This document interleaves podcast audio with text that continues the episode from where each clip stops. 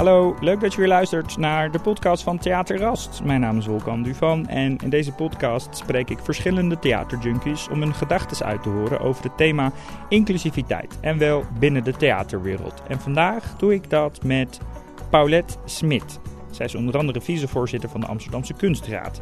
Die komt iedere vier jaar op verzoek van de gemeente Amsterdam met een verkenning van het culturele landschap in Amsterdam. En op mijn verzoek bespreken we een van die hoofdstukken uit die verkenning.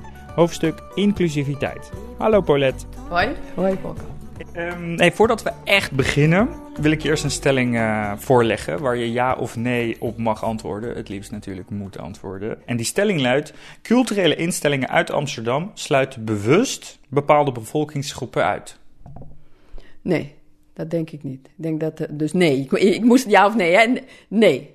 Oké, okay, daar gaan we meer later over horen. Ja. Hey, we zitten hier op het kantoor bij de Amsterdamse Kunstraad. Wat heb jij voor je liggen? Ja, ik heb hier het, uh, het hoofdstuk uh, inclusiviteit van de verkenning. De verkenning is een uh, advies wat we opstellen als zeg maar, voorloper voor de, het nieuwe kunstenplan. En dit is eigenlijk een soort overview van het hele kunstenveld van Amsterdam. En als je het uh, specifiek hebt over inclusiviteit, waarom agendeert de Amsterdamse Kunstraad daaraan?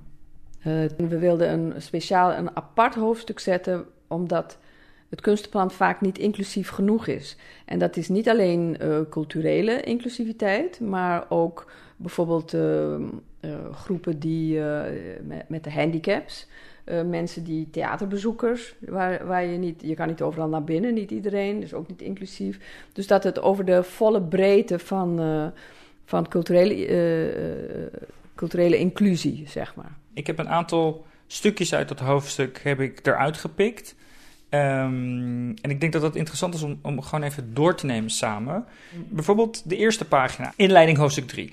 Discussies over het Nederlandse koloniale verleden Zwarte Piet en MeToo zijn enkele voorbeelden waar wordt gevraagd aan zelfreflectie te doen en de gevoelens en rechten van anderen te respecteren en hun stemmen serieus te nemen.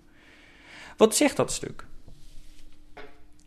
Dat stuk, is, uh, uh, dat stuk zegt waarom ik aan het begin bij jouw vraag zei: uh, gaan dingen, worden mensen bewust uitgesloten? Mensen worden niet bewust uitgesloten, maar in, in, in heel, hele zeldzame gevallen misschien wel. Maar over het algemeen is het onbewust. En het Zwarte Piet-debat, wat natuurlijk uit den treuren is gevoerd, is een, een, uh, een zaak van welwillende mensen die onbewust echt geen enkel idee hebben hoe ze anderen uitsluiten met, met, met het feest en met het, dat hele gebeuren. Dus wat mij betreft is het het zichtbaar maken van onbewuste processen die nog steeds plaatsvinden. En, en wie moet dan die zelfreflectie uh, dan doen? De, de hele culturele sector, en daarmee bedoel ik de subsidieverstrekkers, maar ook degene die subsidie krijgen. Dus die, uh, die gezelschappen en instellingen leiden of daaraan meedoen. Eigenlijk iedereen, ikzelf ook. Als je zelf uit een bepaalde cultuur komt en je bent vreemd met een, een andere cultuur, dan, moet je, dan heb je daar ook vooroordelen over. Toen ik in Nederland kwam wonen, dacht ik dat hier allemaal boeren woonden. Toen zei mijn moeder tegen mij: Je krijgt een, gulden voor elke boer die je ziet, want ze wonen hier niet met klompen en, en mutsjes.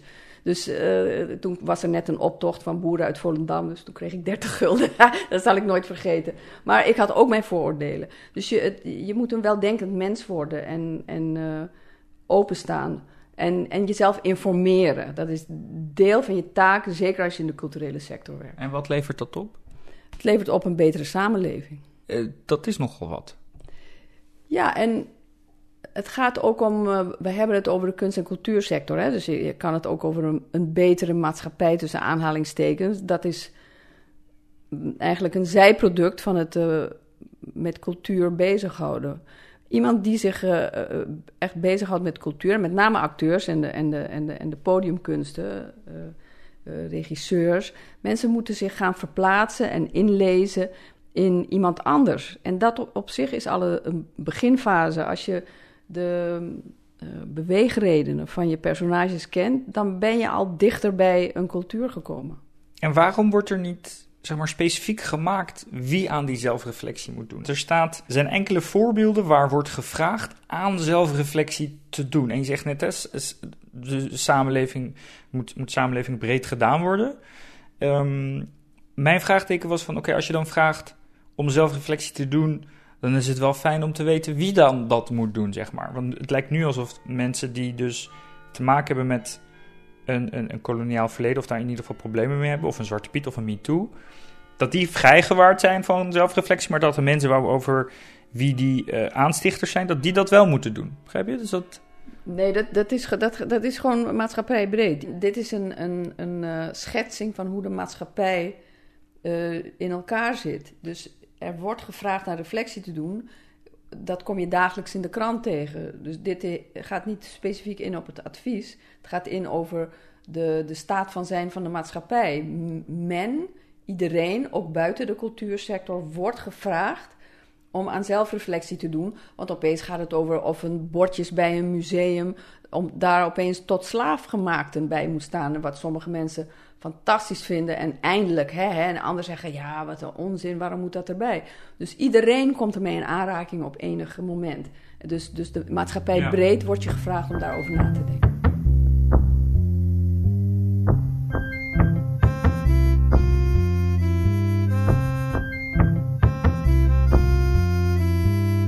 Laten we dan naar het tweede punt gaan uit het uh, rapport. Uh, eerste pagina, hoofdstuk 3, eerste alinea. Ik uh, citeer: De kunstraad spreekt over inclusiviteit wanneer het gaat over het meetellen en meedoen van zoveel mogelijk mensen. Met diversiteit refereert de kunstraad aan verscheidenheid, diversiteit in het aanbod, een rijk palet.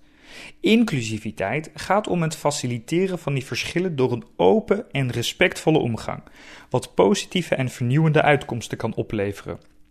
Het bewustzijn voor wie je er bent, en dan tussen haakjes, en wie je mogelijk uitsluit, is belangrijk.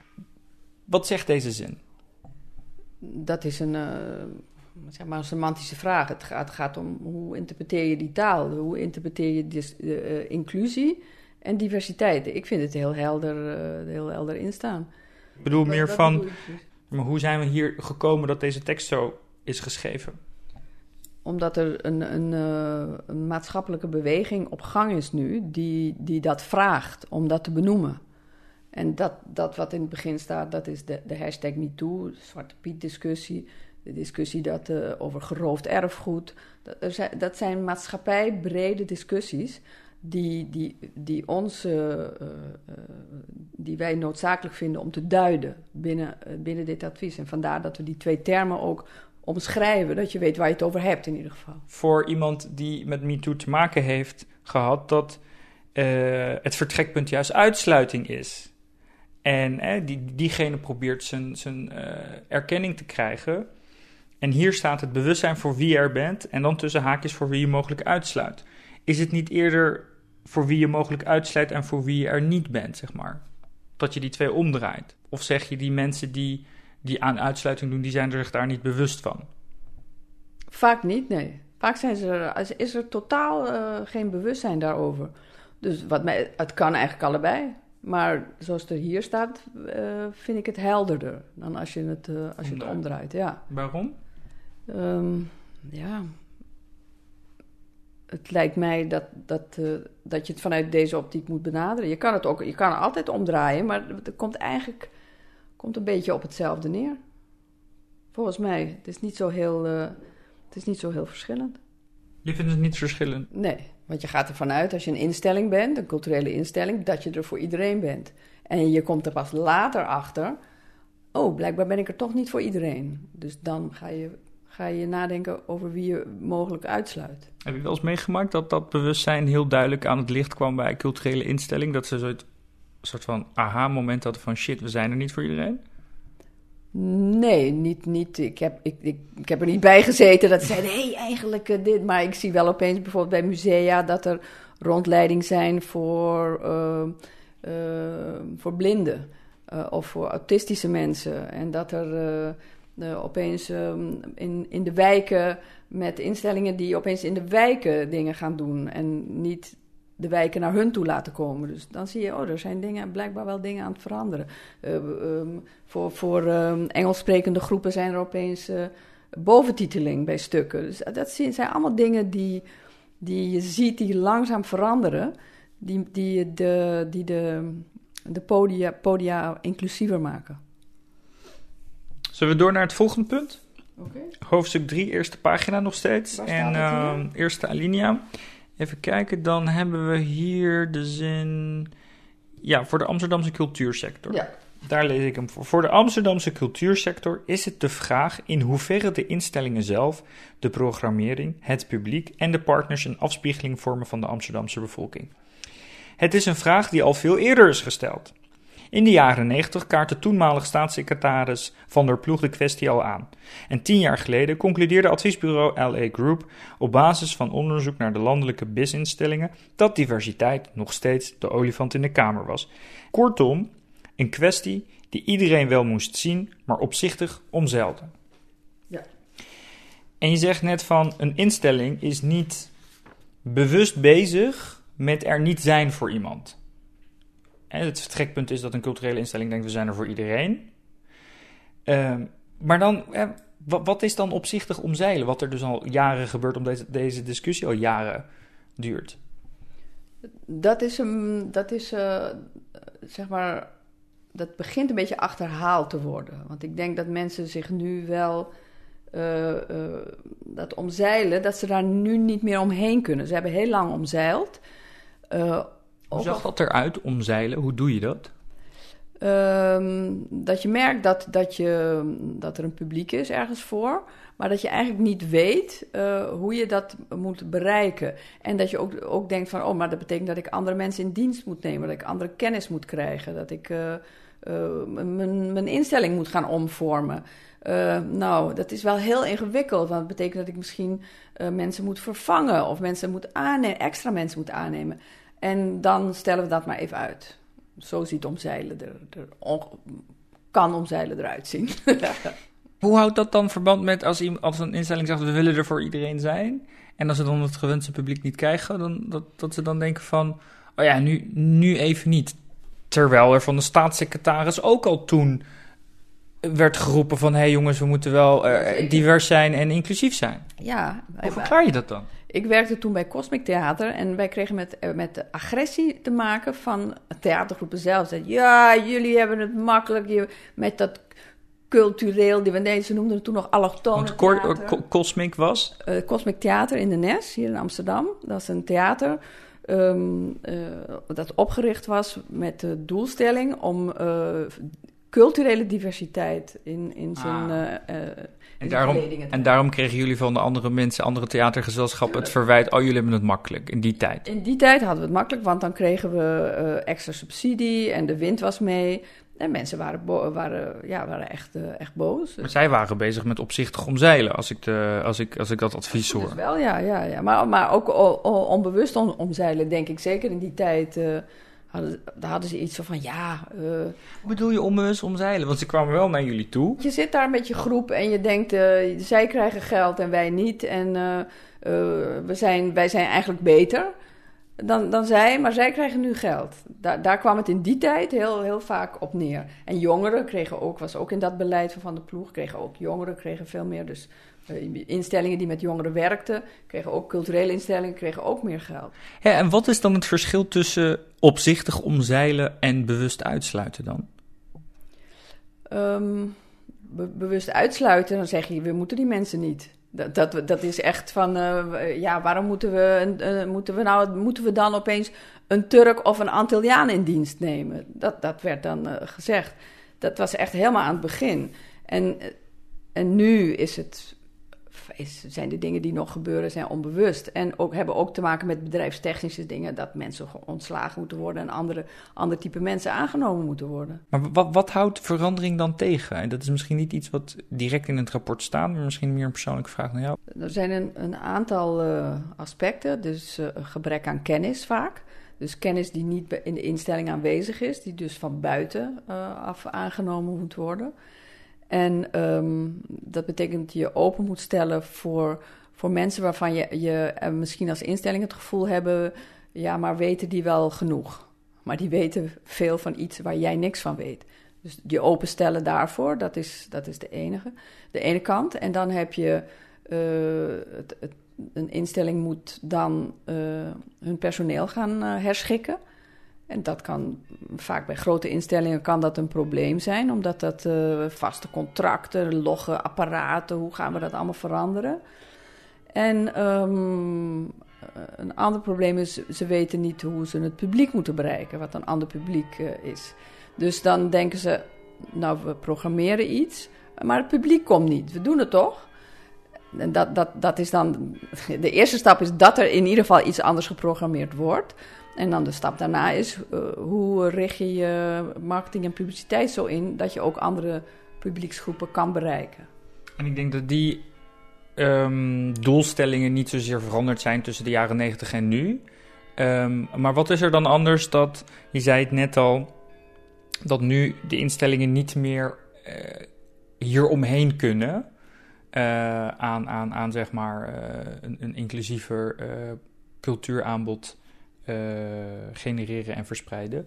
Um, wat, wat, is er dan zeg maar anders aan de discussie nu in vergelijking met die van in de jaren 90? Terwijl de doelstellingen wel hetzelfde zijn gebleven. Ja, ja absoluut. Nu is de, de maatschappelijke druk veel groter. Vele malen groter dan toen.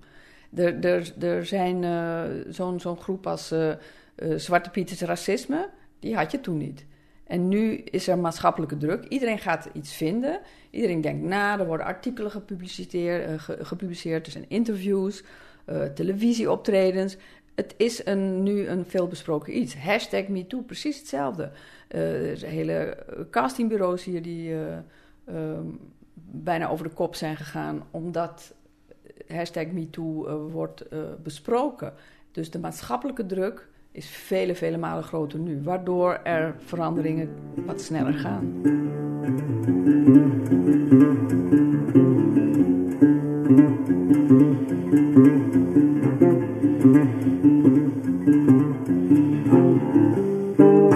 Volgende punt. Uh, dan gaan we alweer een beetje naar uh, de conclusie.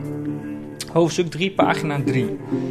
Uh, onder het kopje weinig structureel.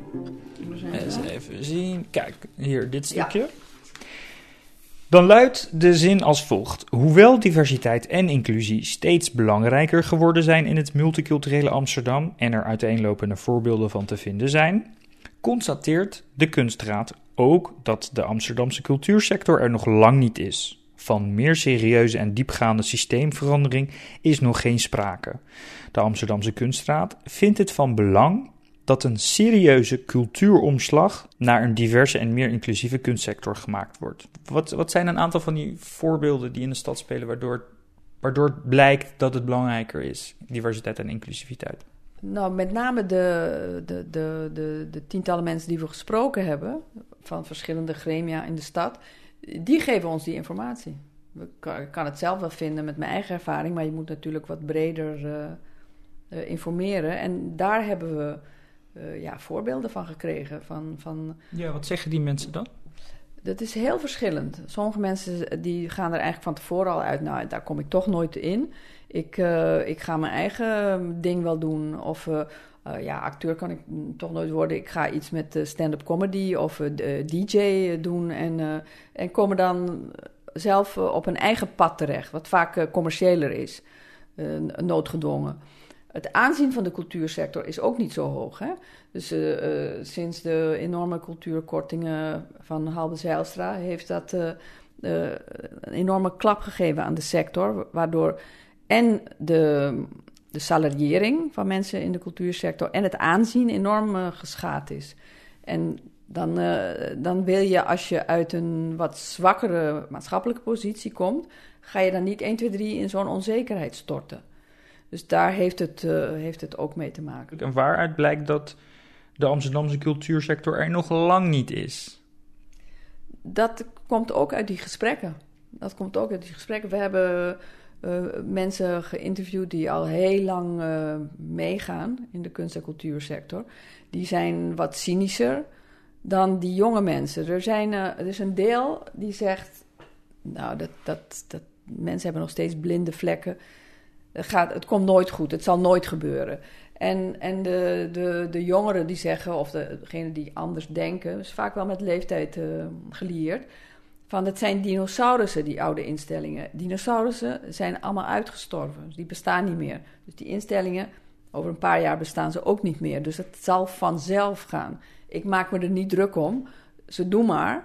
Uh, het gaat vanzelf. Maar heel veel anderen zeggen ook, ja, lekker naïef, het gaat niet vanzelf. Ze, ze bestaan al zo lang en deze dinosaurussen blijven leven. Dus het is ook een uh, verschil van inzicht soms. En wat vind je daar zelf persoonlijk dan van? Je hebt al die gesprekken gehad met die mensen. Daar heb je verschillende geluiden van gehoord. Die, die, die geluiden die kunnen we teruglezen in het verkennend rapport. Maar als ik jou vraag, um, ja, wanneer is die Amsterdamse cultuursector er wel? Wat, wat zeg jij dan? Uh, dan zeg ik als ook in de, in de uh, allergrootste instellingen, in de, in de elite, zeg maar, tussen aanhalingstekens instellingen, de grote, de BIS-instellingen, dat die uh, instellingen werkelijk divers zijn geworden. En heel snel, wat voor instellingen zouden dat... Wie zijn dat dan? Wat, wat voor instellingen? Nou, dat, ik, ik, ik vind het niet prettig om mensen bij naam te gaan noemen... maar gewoon de allergrootste instellingen die er in Amsterdam en in Nederland zijn. Oké. Okay. Dat zegt al genoeg misschien, al ja. Genoeg, ja. Zonder de rugnummer te geven, geef je al het stadionprijs. Ja, ja. ja, ja precies, ja. Dat, dat is gewoon de arena van de, van, van de cultuursector. En dat daar in leidinggevende posities in posities die van belang zijn. En in zichtbare posities. Dus niet als je denkt, ja, daar werken hier 80% mensen met een andere cultuur. Dan zijn ze 80% bij de beveiliging. Het is misschien een cliché voorbeeld, maar het is nog wel vaak zo. En uh, bij, die, bij die, die 10, 20% die het voor het zeggen heeft en die werkelijk iets kan veranderen, daar moet je, daar moet je mensen hebben die uh, inclusief zijn en uh, divers zijn. En hoe moet dat worden gerealiseerd?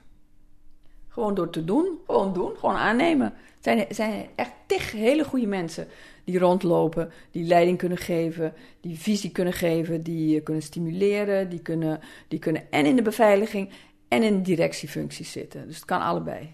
Gewoon doen. Dat zijn de laatste woorden. Oké. Dankjewel, Paulette. Ja, graag gedaan.